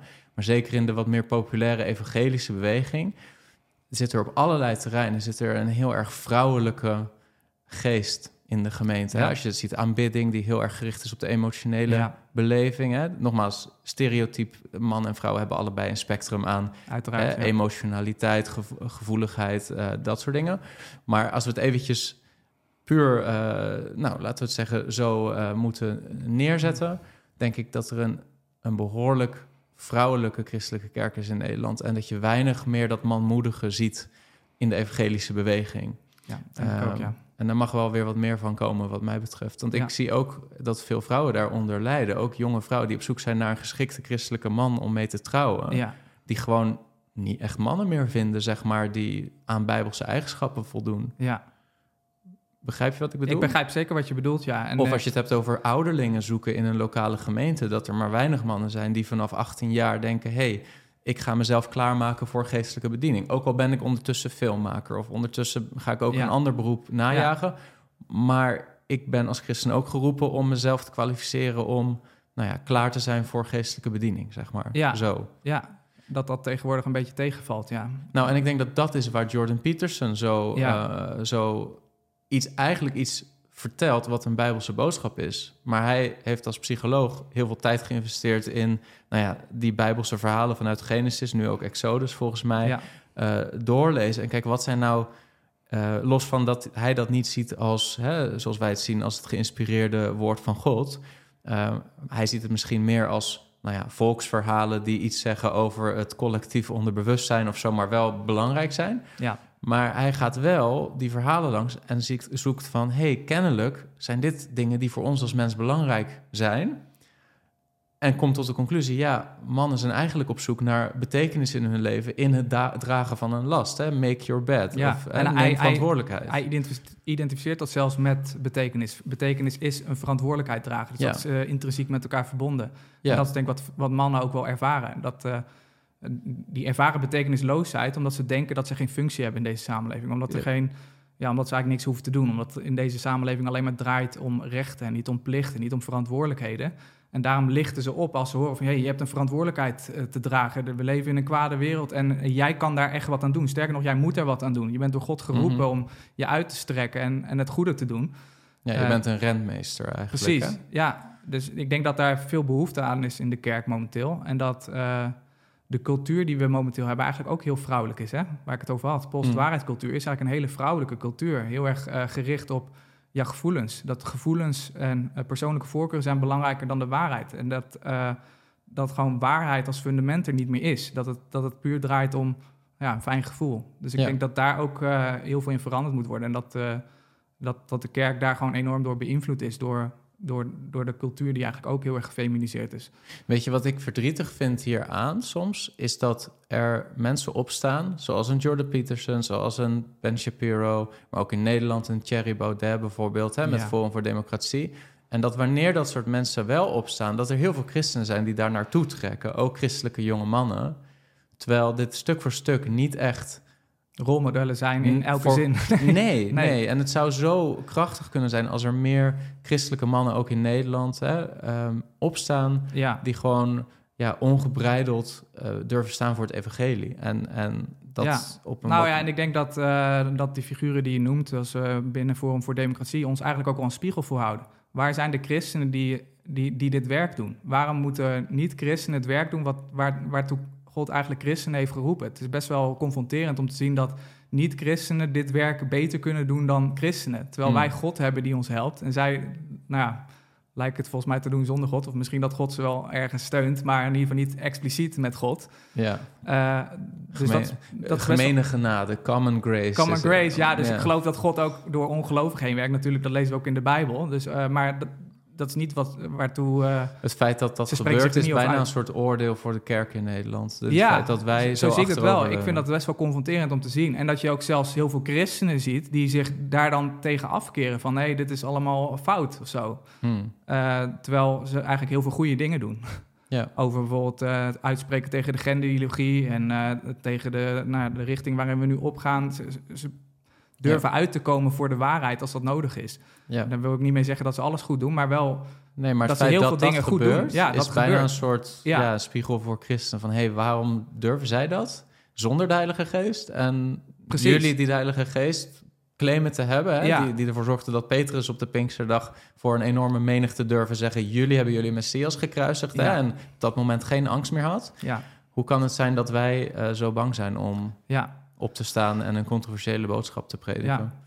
En ik denk dat je hier ook eh, met een nieuwe reden komt waarom het goed is als we ons wel uitspreken. Ik denk dat dat ook heel inspirerend is voor niet-gelovigen die wel de waarheid zien. Want ik denk dat Mm. er een best wel grote groep niet-gelovigen is, zijn, eh, is eh, die, die, die wel de waarheid zien van heel veel dingen. En, en heel veel nare dingen die er momenteel in de wereld gebeuren, zoals abortus of die rare genderideologie. Maar ja, zich dan niet uitspreken, maar dan zouden ze heel erg geïnspireerd raken als ze christenen zouden zien die gewoon Mhm. bereid zijn zich te offeren voor de waarheid. En gewoon ook eh, een slechte naam te krijgen of misschien een baan kwijt te raken. Eh, denk ik dat je zojuist meer mensen kan bereiken met het evangelie. Mhm. Door, ja, door christenen die zich gewoon uitspreken over de waarheid. Want de waarheid is niet alleen maar beschikbaar voor christenen. Die is voor iedereen uiteindelijk beschikbaar die ervoor open staat. Mhm. Dus ik denk dat daar ook wel wat te halen valt voor christenen. Tegelijkertijd met veel van dit soort thema's, hè, als we het hebben over abortus, maar ook als we het hebben over nou ja, bijvoorbeeld homoseksualiteit, eh, genderideologie. Het zijn voor veel christenen niet alleen maar theoretische onderwerpen, hè, maar soms eh, vaak zijn, er ook, zijn het ook onderwerpen waar je direct mee te maken hebt in je leven. Mensen die, waar je van houdt, In een familie, ja. in je familie, ja. vrienden, mensen in de kerk, die soms ook gewoon echt oprecht worstelen met nou ja, dit soort thema's.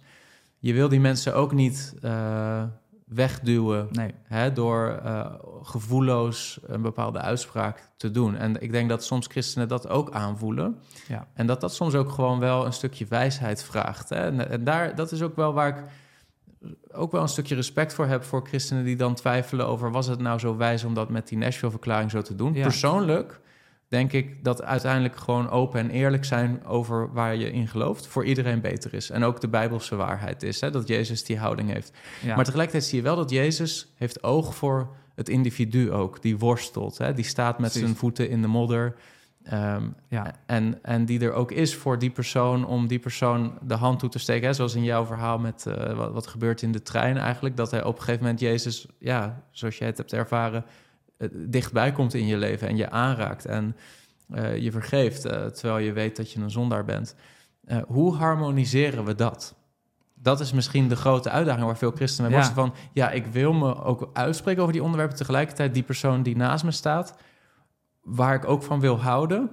hoe voorkom ik dat ik die persoon wegduw? Ja, nou, dat, dat is een goede vraag. En je hebt er niet één antwoord op, omdat er heel verschillende situaties zijn. Dus per situatie vereist dat wijsheid. Ja, Maar uiteindelijk komt het weer terug op het hele punt dat waarheid en liefde hand in hand gaan. Ja. En dat waarheid zonder liefde, dat is niet echt waarheid. Hmm. En liefde zonder waarheid is niet echt liefde. ja.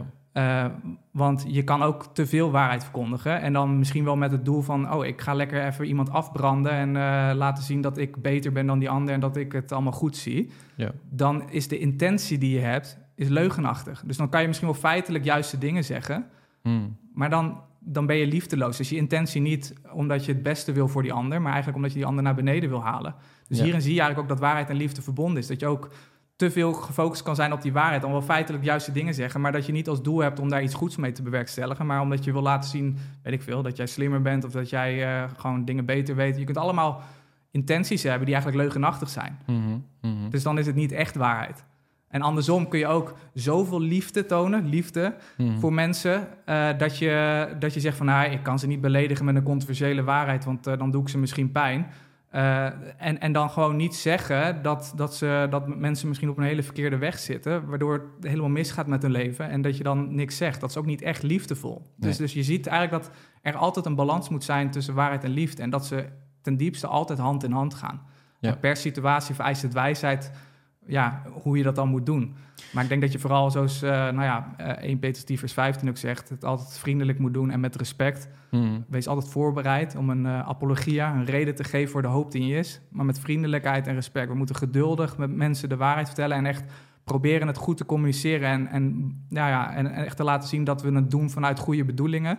Maar wel, ja, wel soms hard zijn als dat nodig is. Ja. En als we dan verkeerd worden begrepen, terwijl het wel echt verkeerd hebben bedoeld, ja, soms is het onvermijdelijk. Dat betekent niet dat Ja. we echt verkeerd hebben gehandeld. Verkeerd, ja, precies. Dat is een goede, denk ik. Verkeerd begrepen worden door mensen is onvermijdelijk. Ja, Maar verkeerd handelen eh, is wel vermijdelijk.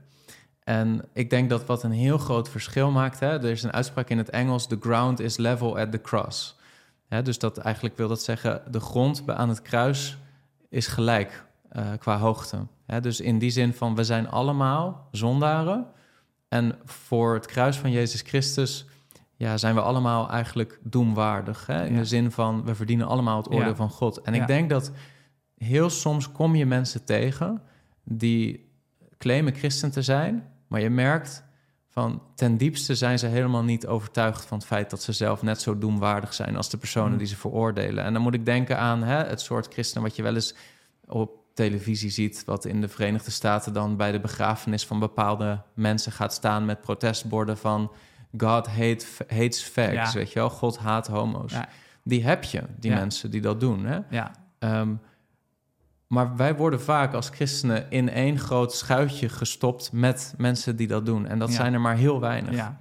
Precies. relatief binnen de christelijke kerk. Ik denk de meeste christenen en de ware christenen beseffen dat ze zelf gered zijn door genade alleen. Ja, dus ik ben een zondaar, ik ben, ik ben niks beter dan wie dan ook. Als het gaat om afwijkingen ten aanzien van seksualiteit, als het gaat om dingen als genderverwarring, eh, als het gaat om je hebt een abortus laten plegen. Ehm, ik ben net zo'n grote zondaar als jij. ja? Maar het is door Gods genade en het is door het feit dat Jezus van mij hield en zijn leven voor mij heeft gegeven, dat ik vandaag de dag ben wie ik ben. Niet, niet door iets in Ja. mijzelf precies. als je die basishouding hebt en vanuit die basishouding naar iemand anders gaat en zegt: hé, hey, maar de Bijbel onderwijst dit over dit onderwerp. Maar iemand kan nog steeds proeven in jou van: hé, hey, maar die persoon veroordeelt mij niet, want die persoon die voelt zich niet beter dan dat ik ben. Dan is dat natuurlijk een wereld van verschil. Zeker.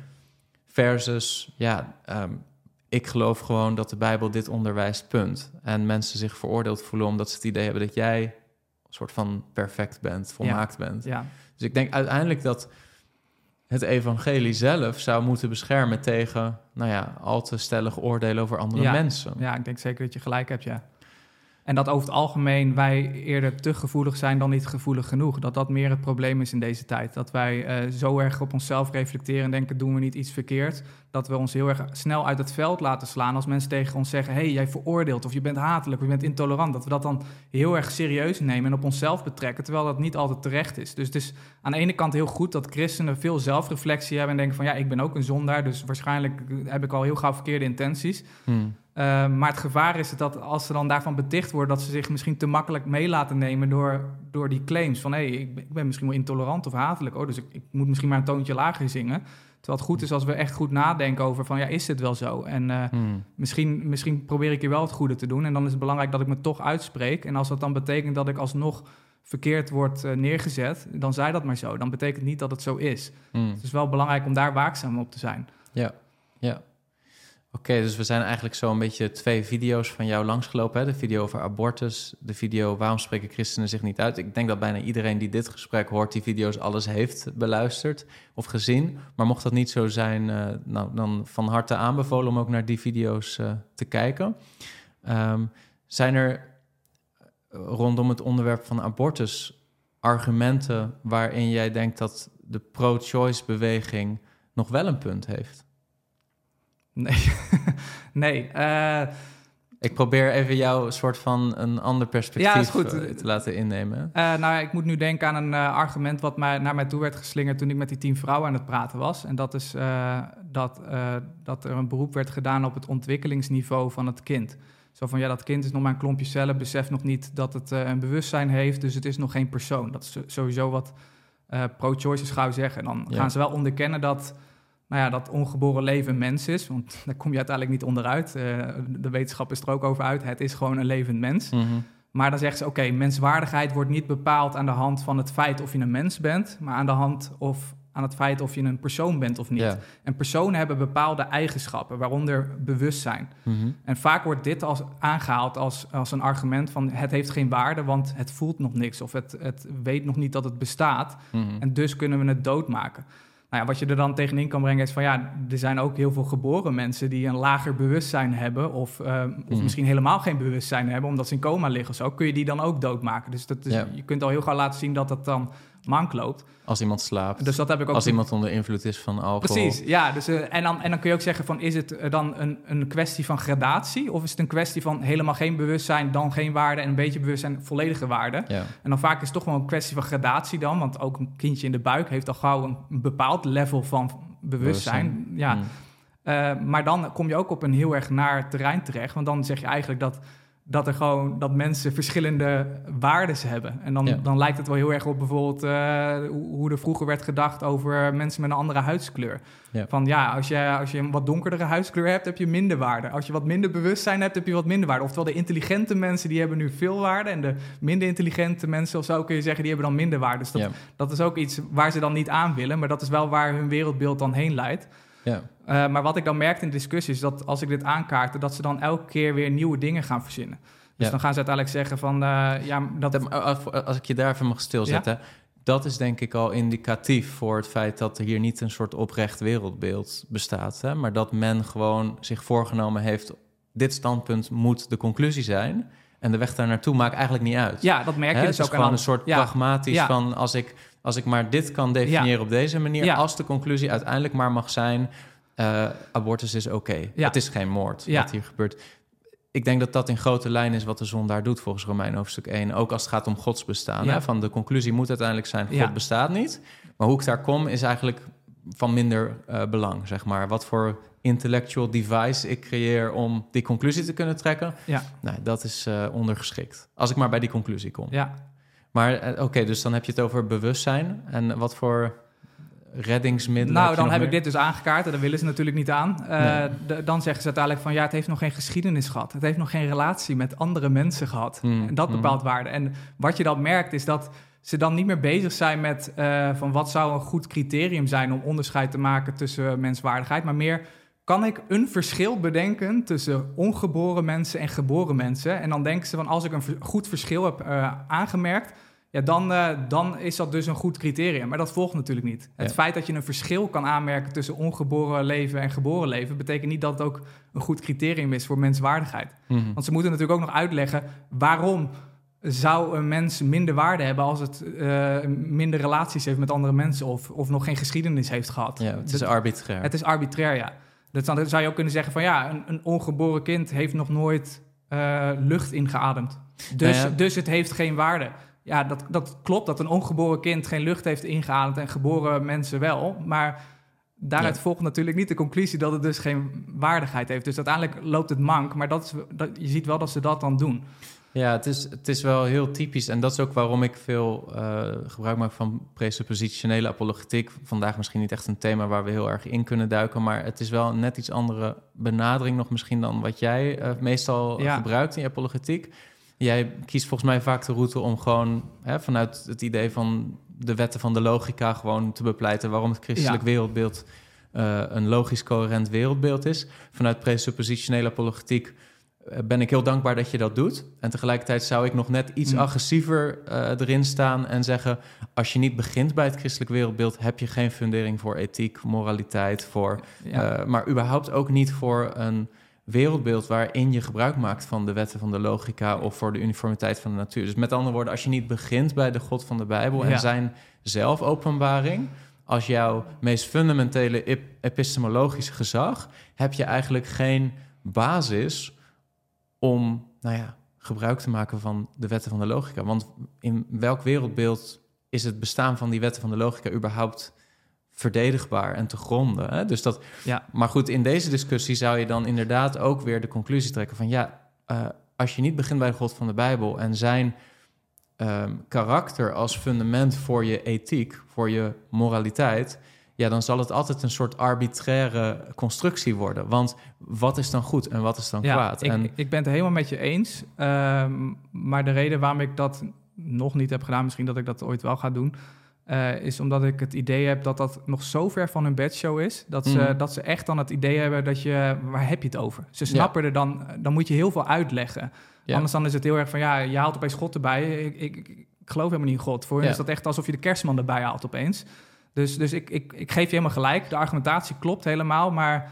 Uh, nee, maar het is ook denk ik goed dat je die video uh, op die manier insteekt en ook gewoon een interne kritiek geeft op ja, hun precies. Dus wat ik wil doen is, ik wil mensen meenemen van waar ze zijn. En, uh, ja, en, en nou ja, waar ze het wel over eens zijn, is over nou ja, logica over het algemeen dan, ook tegenwoordig steeds minder. Maar dat je ze gewoon meeneemt vanuit de reden van dingen, vanuit dingen waar ze het wel mee eens zijn. En dat je uiteindelijk gewoon wetenschappelijk en rationeel kan laten zien dat, dat datgene wat in de buik groeit echt een mens is. En nou ja, hoe je dan menswaardigheid zou moeten be bepalen.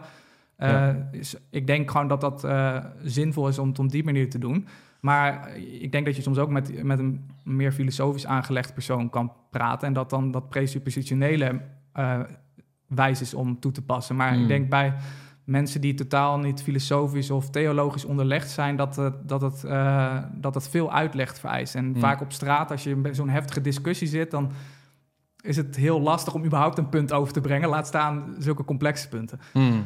Ja, ik snap wat je bedoelt, uh, maar uh, hè, in dit geval even terugkomend op um, het stukje van wat is het wat in de baarmoeder is? Is dat slechts een klomp cellen of is dat een volwaardig mens, een persoon? Uh, en dat gaat vervolgens natuurlijk ook doorslaggevend zijn in ja, de daad van abortus. Moeten we dat zien als een medische procedure, zeg maar, waar je voor mag kiezen als vrouw? Of moeten we dat zien als de moord van een mens ja. hè, en een persoon? En ja. dat, gaat, dat gaat natuurlijk heel sterk over je visie op wat is dat wat daar in de baarmoeder zit op dat moment. Ja. En wat heel ingewikkeld is, en dat is natuurlijk ook iets wat bijvoorbeeld Ben Shapiro uh, duidelijk uh, uitdraagt. Um, het is heel moeilijk om te definiëren wanneer dat dan een mens zou worden als het niet vanaf het begin een mens ja, is. Klopt, daar komen ze niet uit. Nee, nee dus dan, dan, en dan heb je dingen als bewustzijn en heb je dingen als continuïteit in je persoonlijkheid of ja. Um, maar uiteindelijk zijn het allemaal dingen waarvan je voorbeelden kan noemen van ja, Precies. ook bij mensen die niet meer in de baarmoeder zitten, maar gewoon geboren zijn, kunnen er dit soort uh, dingen spelen. Hè? Verminderd bewustzijn, maar ook dingen als de ziekte van Alzheimer krijgen en vervolgens ja. je naasten Geen niet meer kunnen herkennen. meer hebben van al je relaties. Ja. Geen herinnering meer hebben, eigenlijk niet, niet meer dezelfde continuïteit hebben ja. in je persoonlijkheid. En vervolgens zeggen we ook niet, nou het is prima om die persoon uh, te doden. Dan wordt het ook gezien als moord. Ja, de vraag is hoe lang nog, hè? want uh, ook euthanasie wordt steeds vrijer. Dus het, uh, het, zou een kwestie van tijd zijn dat ze zo ver gaan dat ze zeggen van nou wij beslissen dat die persoon met Alzheimer geen waardig leven meer heeft. Dus misschien is euthanasie het beste. Ja, toch is op dit moment is dat nog niet zo ver hoor. Op dit moment is het uh, nog steeds volgens mij uh, zeer, staat het zeer ter discussie of dat iemand überhaupt een wilsbesluit kan vastleggen in de staat dat hij daar nog toe in staat is. Uh, als hij in een proces zit van dementie of Alzheimer, om op een gegeven moment te zeggen dan, hè, dat als iemand eenmaal op het punt is dat hij dan, dan in zijn wilsverklaring ja. had aangegeven dat hij wil dat er euthanasie wordt gepleegd, dan is het nog maar de vraag of dat die verklaring ja. nog steeds juridisch bindend is. Dus daar vindt echt wel nog een een discussie over plaats. Dus ik wil ook niet een soort misrepresentatie nee. van hoe die discussie ligt. Maar goed, wij zijn als Nederland veel verder dan andere landen ja. met dit soort thematiek. Precies. En je hebt gelijk dat de vraag is, hoe, hoe gaat dit verder, zeg maar? Ja. Gaat, maar op dit moment vinden we het met z'n allen nog onacceptabel... dat als iemand, nou ja, Alzheimer krijgt, dat dan iemand anders besluit, nou, jij bent al niet meer waardig genoeg om te leven, dus we maken, hè, we, we maken er actief een einde aan of zo. Dat wordt gezien als volstrekt ethisch onaanvaardbaar. Ja, Bij abortus doen we eigenlijk dat. ja. Want het is niet dat de baby Wij een voor de baby eigenlijk van jouw leven is, eh, zal geen waarde hebben. Dat wordt ook vaak als excuus gegeven van ja, het, het groeit dan op in een eh, gebroken gezin. eh, Ze hebben geen geld, en weet ik wat voor redenen er worden gegeven. Er wordt eigenlijk gezegd van ja, die zal geen goed leven hebben, dus we kunnen het doodmaken. Dat is natuurlijk een heel slecht argument. Want, Als je die criteria zou toepassen op mensen die al leven, dan zou niemand dat accepteren. Precies, en dat is dus ook hoe je er tegenin gaat. Dan ga je zeggen van oké, dus als jouw tweejarige kind, eh, nou ja, als je die financieel niet meer goed kan onderhouden of eh, je gezin is eh, een beetje gebroken en er zit wat ellende, is het Hmm. dan goed om dat kind maar gewoon dood te maken? Dan zou iedereen natuurlijk zeggen nee, dat mag niet. Nou ja, zelfs, zelfs als het een één dag oud geboren kind, dan hebben we daar een heel andere visie op. ja, ja, Dan doen, trekken we alles uit de kast om dat kind te beschermen. En, Ja. hè, met couveuses en met... ja, Maar als dat kind nog een paar ontwikkelingsstapjes daarvoor zit en in de baarmoeder... dan hebben we daar opeens een heel ander moreel-ethisch referentiekader bij. En dat ligt... Ik denk dat het inconsistent is en dat je inderdaad op dit thema heel goed ook aan niet-gelovigen kunt laten zien dat het inconsistent is. Dus ik ben heel blij met jouw video. ja, Want het laat dat wel zien. En tegelijkertijd zie je dat in de pro-choice-beweging vaak hun argument volgens mij niet zo sterk is van hé, hey, dat is maar een klompje cellen alleen. Maar het gaat om het zelfbeschikkingsrecht van de ja, vrouw. autonomie wordt zoveel waarde aangehecht dat, dat het dan eh, te rechtvaardigen zou moeten zijn. Ja, Ja, ja, en dan zie je dat in de Amerikaanse pro-choice-beweging dat er wel heel veel, ik weet niet hoe dat in Nederland precies is, maar dat er heel veel drogredeneringen zijn van ja, het is mijn lijf. Maar we hebben het feitelijk niet Ja. over jouw lijf. We hebben het over een onafhankelijk Ja. wezen wat in jouw lijf zit, tijdelijk. Ja, ja ik, vind, ik verbaas me er oprecht over dat dat argument nog steeds wordt gegeven. En ik denk ook wel eens van, geloof je, waar we het eerder over hebben gehad, geloven ze zelf al wat ze zeggen, dat het jouw Het is lichaam de slogan volgens mij Het- vanaf het begin Het is geweest. de ultieme van slogan lijf, en die, die hoor je keer op keer weer terug, terwijl het zo vaak al ontkracht is. En, en met een beetje gezond verstand kun je al heel gauw de conclusie trekken dat dat nergens op slaat. Hmm, Maar toch wordt het argument nog gegeven. Het is heel raar, ja, hmm. dat dat gebeurt. En dat tegelijkertijd met alle begrip voor hè, vrouwen die gewoon in moeilijke situaties zitten. Want als we het even in een breder plaatje trekken. Ja, het gaat uiteindelijk niet alleen maar om abortuswetgeving. Het gaat over het hele normenkader in Nederland rondom seksualiteit. En Ja, wat is onze visie geworden op het huwelijk? Wat draagt de samenleving uit? Hè? Je, moet, je zal maar een, een 15-jarig, 16-jarig meisje zijn wat opgroeit in onze samenleving. zo, ja. Netflix kijkt, een heel ehm, ja, moreel, ethisch referentiekader ingegoten krijgt via allerlei series met, nou ja, gemaakt in Hollywood met een, een zeer onbijbelse seksuele ethische visie. ja, En vervolgens, ja, zwanger worden. ja.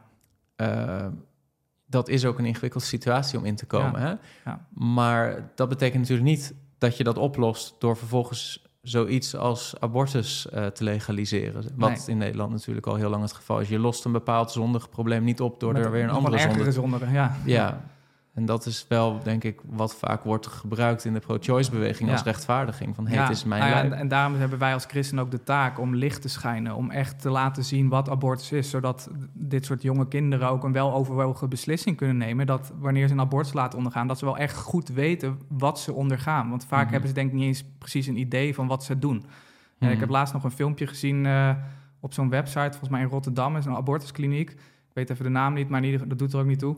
Maar dan heb je zo'n animatiefilmpje over hoe dan een abortus eh, in zijn werk gaat. En dan is het echt bizar. Dan zie je alleen maar een animatie van een baarmoeder. Er zit niks in. Je Hmm. ziet dus niet eens een baby. Hmm. En dan wordt er gezegd van... da- en dan, eh, dus dit gaat dan over een eh, tweede trimester... Of, nou, na twaalf weken in ieder geval eh, abortus. En dan gaan we met apparatuur naar binnen... en dan verwijderen we de zwangerschap. Zo wordt het gezegd. Ja. En dan zie je alleen maar een animatie van zo'n tang die naar binnen gaat... en je ziet dat er gewoon niks wordt verwijderd.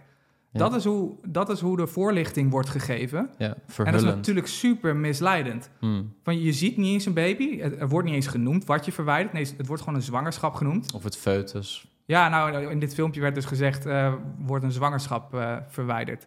Ja. Als het een foetus zijn, is het toch al meer... eh, nou, als je weet wat de Ja. betekenis van de foetus is... dan zeg je al, er wordt een klein kindje verwijderd. Ja. Maar dat wordt dus al niet eens meer gezegd foetus. Er wordt gewoon gezegd, er wordt een zwangerschap verwijderd... en je ziet niet eens dat er iets weggaat. Dus Hmm. als je alleen die informatie hebt, dan denk je van... oh, er wordt een, klein stukje weefsel wordt weggehaald. Nou, kleine ingreep.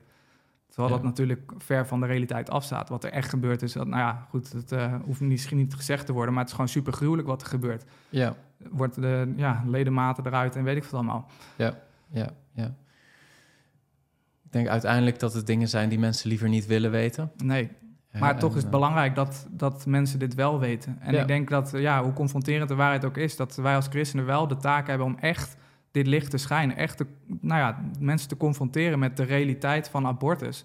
Zodat, uh, ja, zodat de publieke opinie ook gaat veranderen. En daar ben ik echt van overtuigd. Dat als je maar genoeg licht hierover schijnt, als je maar genoeg met de waarheid komt, dus misschien ook openlijke dialogen hebt op straat, wat dan ook, en dat op internet gooit, dan gaat de publieke opinie vanzelf veranderen. Want het kan niet zo zijn dat, dat, dat mensen dit blijven vinden. Ik vind het ergens ook wel bizar dat al 40 jaar lang bijna dit legaal is. En dat, mm. dat nog steeds de meeste mensen denken dat het goed is. Terwijl er gewoon ja, eigenlijk gewoon een soort van genocide plaatsvindt. Laten we eerlijk zijn. Ja, maar het is uiteindelijk misschien een onderschatting van de zondige natuur van de mens om te denken dat als ze maar meer kennis hebben, dat ze er dan ook wel mee zullen stoppen. Ik vraag me af of dat, dat zo is. Ja, dat, dat, dat is waar. Maar het zal in elk geval, denk ik, mensen aan het denken zetten. Ja. En ik denk dat het heel goed is dat die waarheid wel wordt uh, gepredikt en geproclameerd. Um, ja.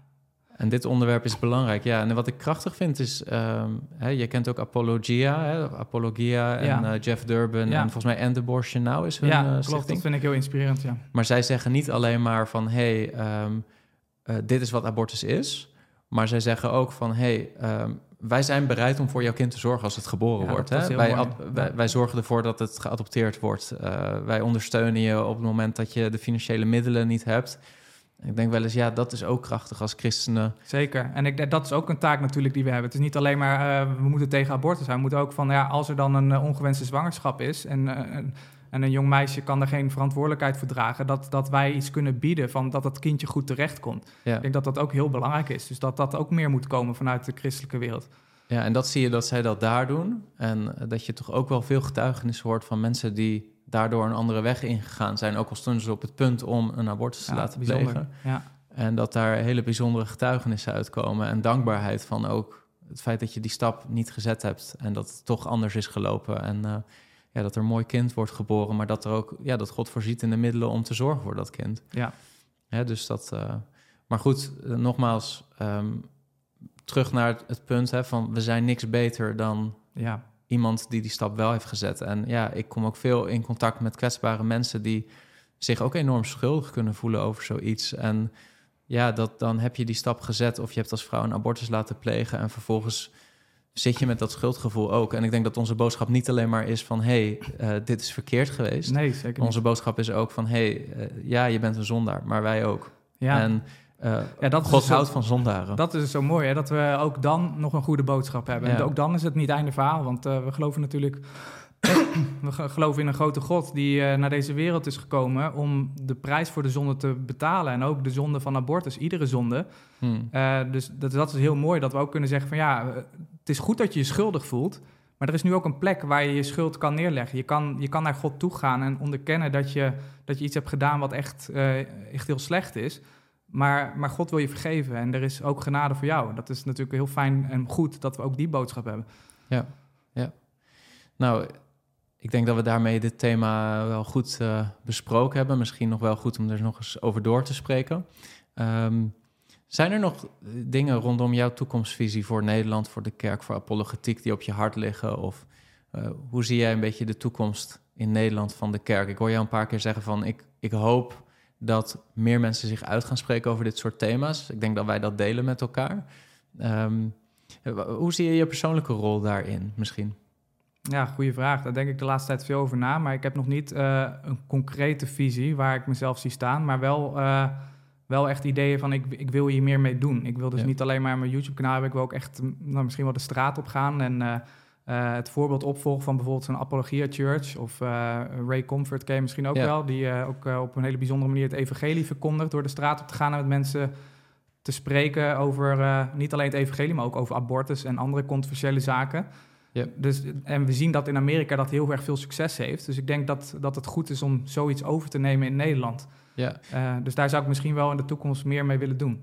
Hey, en zou het um, zou het ook nog een idee kunnen zijn om meer die dialoogruimte te geven met mensen die een andere positie innemen. Hè? Bijvoorbeeld over abortus en gewoon zo'n zo'n tafelgesprek te voeren, ook met zulke eh, mensen. Ja, want oh, dat ik- zie ik ook zitten, zeker zitten, ja. Ik weet niet of dat je in Engeland eh, de podcast Unbelievable kent van Ja. Justin Brierley. Ken ik, ja. Maar die doet dat natuurlijk al heel de tijd. Hè, van een christen en een niet-christen over een thema aan de tafel zetten met elkaar. En dat gesprek, ik denk in Nederland dat we niet zo heel veel hebben wat dat doet op die manier. Ja, nee, dat, dat denk ik ook dat dat heel goed is. Juist die dialoog moet er komen, zodat mensen zelf een oordeel kunnen vellen over wat is nou precies de waarheid. Zo komt het aan het licht. Ja. Wij hebben natuurlijk de waarheid aan onze kant, dus waar wij het beste op gaan is zoveel mogelijk licht. Terwijl de mensen die in de leugen leven, die, die gaan lekker op duisternis. Dus die willen vooral dat dingen vaag blijven, dat, dat eh, dingen niet goed gedefinieerd worden. Terwijl Mm. wij zijn de kinderen van het licht. Wij willen dat de waarheid aan het licht komt. En dat, ja, dus, dus we willen zo, zo duidelijk en helder mogelijk aan iedereen laten zien wat we geloven en waarom we het geloven. En dan, dan wordt het helder voor iedereen wat de waarheid is. Ja. Oké. Nou, Karel, ik wil je bedanken in elk geval dat je vandaag hier eh, wilde zijn voor dit gesprek. Ja, ik jou ook. We hebben best wel wat eh, waardevolle onderwerpen langsgelopen. Is denk ik ook voor het eerst, maar zeker niet voor het laatst... dat ook het onderwerp van abortus langskomt op, eh, op mijn YouTube-kanaal. Eh, ik denk ook niet op jouw YouTube-kanaal. Misschien dat jij in de toekomst daar ook nog wel Zeker, ja. meer Ja. tijd aan eh, zult Ja. besteden. Ehm, maar bedankt voor wat je doet. Ik wil je bemoedigen om daarmee door te gaan. En nogmaals, we hebben misschien een wat andere insteek als het gaat om apologetische methodologie. Wat ook nog echt een interessant gesprek zou zijn om ooit in de toekomst nog samen te voeren. Ehm, maar ik waardeer wat je doet, los van dat het een net iets andere insteek zou zijn dan ik zou kiezen. Want ik denk dat Nederland het brood nodig heeft. Dus bedankt voor wat je doet. Ga er ook mee door. En ik wens jou Godzegen in jouw bediening, ook in je gezin, in je werk, in alles wat je doet. Ja, dankjewel. Ik wens jou hetzelfde. Ik waardeer jouw kanaal ook echt eh, heel erg. En eh, ja, dus, dit, is, dit is heel erg nodig. Eh apologetiek en echt mensen die staan voor de waarheid en dat ook verdedigen. En ja, wat jij doet vind ik heel bijzonder. Jij richt je voornamelijk op valse leer en eh, wat het christelijk geloof echt is ten, opzichte van andere christelijke stromingen. Dat zie ik heel veel terug bij jou. En dat is denk ik ook heel erg nodig, want er is heel veel misleiding in de kerk. Hmm. Dus ik wil je ook bemoedigen om vooral eh, door te gaan met wat je doet. Ik, eh, ik kijk veel van je video's en ik heb er ook heel veel aan. Dus Oké, nou fijn om te horen. Dankjewel voor de bemoediging en nou ja, heel veel zegen. En wie, wie weet, hè, dat is nog een soort, misschien een soort preview, maar we hopen nog wel een keertje samen in gesprek te gaan, ook met misschien atheïsten. ja, Samen een gesprek te doen. Hè, dat eh, Ja. hebben we al eens eerder dit jaar willen doen, maar toen eh, kwam het er niet van door omstandigheden. Maar eh, het verlangen is wel om in de toekomst nog eens een keer ook met zeker. misschien atheïsten of agnosten samen een gesprek te houden Ja, daar ook een video over te maken en dat samen te doen. Dus nou, dan gaan we elkaar wellicht weer treffen. ja, kijk er naar uit. Oké. Ik hoop dat deze video nuttig was voor jou. Als dat zo is, druk dan op like. En wil je vaker dit soort apologetische video's zien, abonneer dan op dit kanaal. Tot de volgende keer.